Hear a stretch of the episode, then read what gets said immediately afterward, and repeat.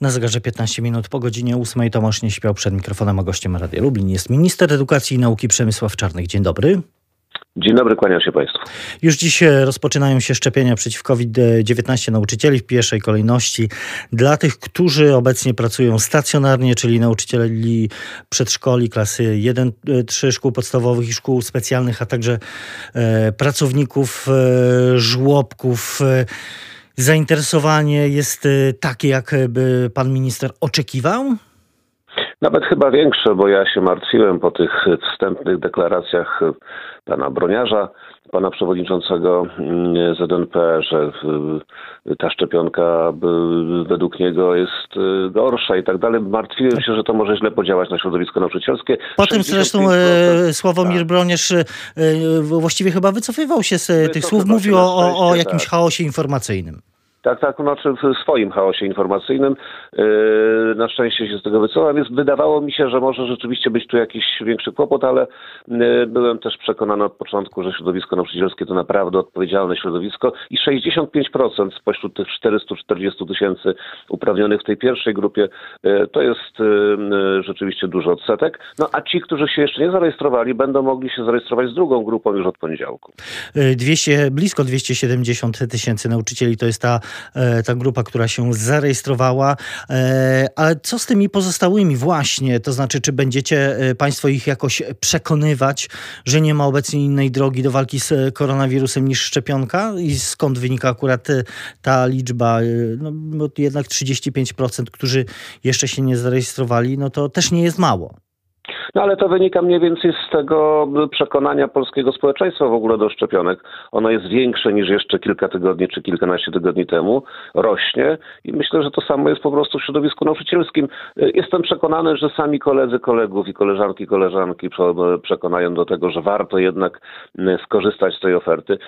Szczepionki są dobrowolne, nikogo nie będziemy zmuszać do tego, żeby się szczepić, natomiast pokazujemy, że to się po prostu opłaca. Szczepionka AstraZeneca chroni przed e, e, śmiercią i chroni przed e, powikłaniami, ciężkim przebiegiem choroby COVID. A to jest najważniejsze. Chroni w 100%, natomiast w 80-70% w zależności od badań chroni przed zakażeniem się w ogóle koronawirusem. To jest naprawdę bardzo dobra szczepionka, warto się zaszczepić i to zrozumiało 65% środowiska. Myślę, że będzie, będzie jeszcze lepiej. No właśnie, bo te, te wątpliwości dotyczyły między innymi skuteczności tej, tego preparatu AstraZeneca, którym mają być, e, którzy, którym będą szczepieni e, nauczycieli, no bo niektórzy mieli no właśnie te wątpliwości. Myśli pan, że, że one już zostały e, rozwiane i zostaną rozwiane tymi opiniami ekspertów?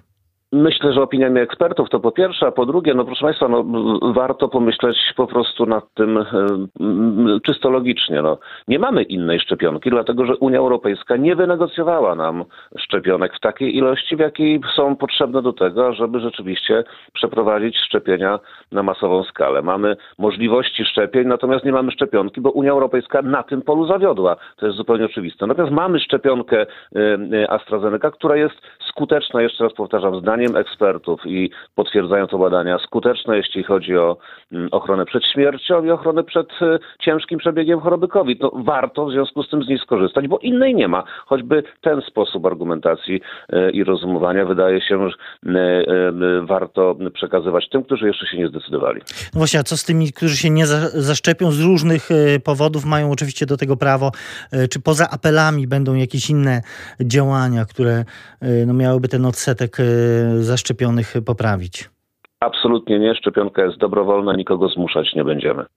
Yy, no dobrze, a co z, panie ministrze, z pracownikami e, obsługi Prezydium Krajowej Sekcji Pracowników Administracji i Obsługi ZNP e, w takim stanowisku przed trzech dni, z 9 lutego opublikowało je i, i w nim e, no, nie zgadza się na wykluczenie tej grupy osób z tego pierwszego etapu szczepień wspólnie z nauczycielami. Nie można oddzielić personelu administracyjno-obsługowego od kontaktu z kadrą pedagogiczną, dziećmi, uczniami czy rodzicami. Jest jesteśmy jednym zespołem pracowniczym. E, czytamy w tym e, stanowisku. Co pan na to?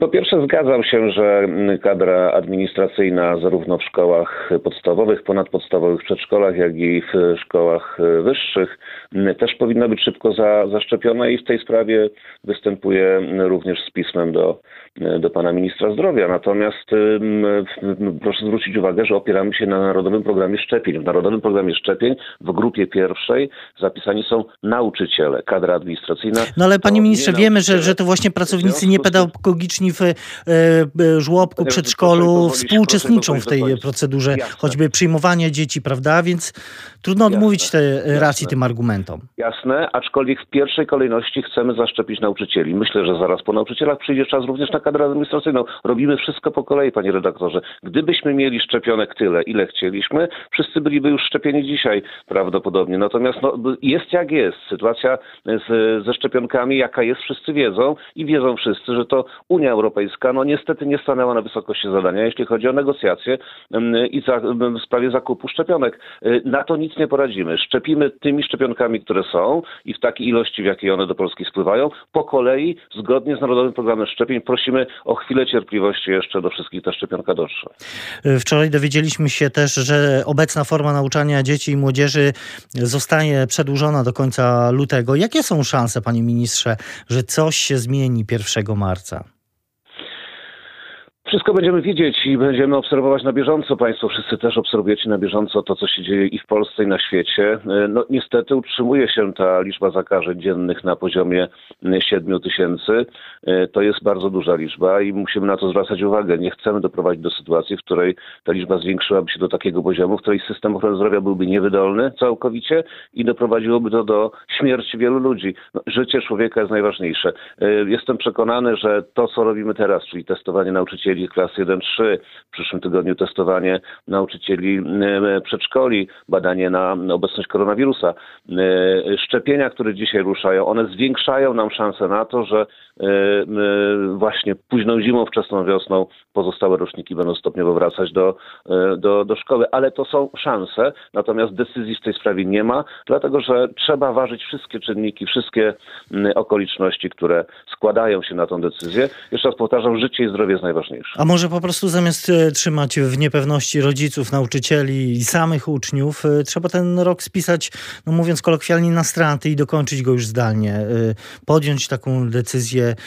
już niezależnie od tego, jak rozwijać się będzie pandemia, bo też już te ostatnie miesiące pewnie też niewiele zmienią, jeśli chodzi o sposób nauki każdy tydzień nauki stacjonarnej to jest więcej niż niż e, dwa tygodnie nauki zdalnej e, albo 10 dni nauki zdalnej. W związku z tym nie chcę mówić tak, jak pan redaktor sugeruje. Jak tylko nadarzy się okazja i okazja w sensie oczywiście okoliczności pandemicznych i okoliczności pandemiczne na to pozwolą, natychmiast będziemy podejmować decyzję o powrocie do nauki stacjonarnej pozostałych roczników. Nie spisujemy tego roku na straty. Przygotowujemy programy pomocowe jeszcze, żeby wyjść z tego no, kryzysu światowego, w którym się znaleźliśmy przez pandemię koronawirusa, e, ale jeszcze raz powtarzam, jak tylko będzie taka możliwość, pozwolą na to czynniki pandemiczne, będziemy podejmować decyzję o natychmiastowym powrocie do nauki stacjonarnej, bo tego potrzebują uczniowie e, i rodzice i nauczyciele, a nie spisania roku na stratę. E, pewnie też szczególnie rodzice ósmoklasistów i maturzystów tegorocznych drżą o to, jak te egzaminy, no jedne z ważniejszych egzaminów w życiu będą wyglądały. No i co pan by poradził? Jak dodał otuchy otuchy minister edukacji i nauki tym rodzicom, którzy no wciąż jednak e, nie wiedzą, e, w jakiej formule ten egzamin będzie się odbywał? Po pierwsze, jako pierwsi w Europie, czy jedni z pierwszych, ograniczyliśmy ten, e, te wymagania egzaminacyjne tegoroczne. Po drugie, no, w wielu szkołach, i za to bardzo dziękuję dyrekcji nauczycielom, organizowane są testy, sprawdziany, egzaminy próbne, które mają przygotować uczniów do Ale nie we wszystkich. ósmoklasisty. Dlatego apelujmy do wszystkich dyrektorów i nauczycieli, aby korzystali z tej możliwości prawnej. Dzisiaj możliwe są konsultacje w niewielkich grupach stacjonarne dla ósmoklasistów i maturzystów i możliwe są testy, możliwe są sprawdziany wiedzy, które są potrzebne do tego, żeby zweryfikować stan przygotowań do egzaminu. Korzystajmy z tego, bo dzisiaj naprawdę jest możliwość stacjonarnego właśnie tego rodzaju uczenia i przygotowywania uczniów, e, tylko trzeba chcieć z tego skorzystać. Panie ministrze, to jeszcze na koniec e, chciałbym zapytać o pomysły opozycji na usprawnienie edukacji e, podczas sobotniej głośnej konferencji zresztą liderów Platformy Obywatelskiej z soboty. Rafał Trzaskowski zapowiedział, że po objęciu władzy przez Platformę Obywatelską. To ugrupowanie utworzy platformy internetowe, które ułatwią pracę online, wyposaży uczniów w tablety, laptopy, wydłuży czas pracy świetlic, dodatkowe pieniądze na zajęcia indywidualne, odpis podatkowy właściwie. Tutaj rozumiem będzie nawet w takim, w takim przypadku z opozycją pełna zgoda. Ale y, mówi to człowiek, który jest y, przedstawicielem ugrupowania, które laptopy kupowało przez 3-4 lata w swoim programie wcześniejszym, kiedy było u władzy i nie kupiła ani jednego dla ucznia, więc trudno wierzyć w te wszystkie zapowiedzi. Y, niektóre są realizowane już dzisiaj. Ta informatyzacja szkoły i rozwój kompetencji cyfrowych jest realizowane dzisiaj. Niektóre będą realizowane w najbliższej przyszłości. Natomiast postulat z kolei, żeby szkoły stały się całkowicie samorządowe, to jest postulat prezydenta dużego miasta, któremu marzy się księstwo państwo e, e, warszawskie w granicach e, państwa polskiego, czyli ta decentralizacja i rozbicie państwa polskiego, to są postulaty Platformy Obywatelskiej. A mówi to minister edukacji i nauki Przemysław Czarnek z Prawa i Sprawiedliwości. Panie ministrze, bardzo dziękuję za rozmowę. Dziękuję bardzo, kłaniam się państwu.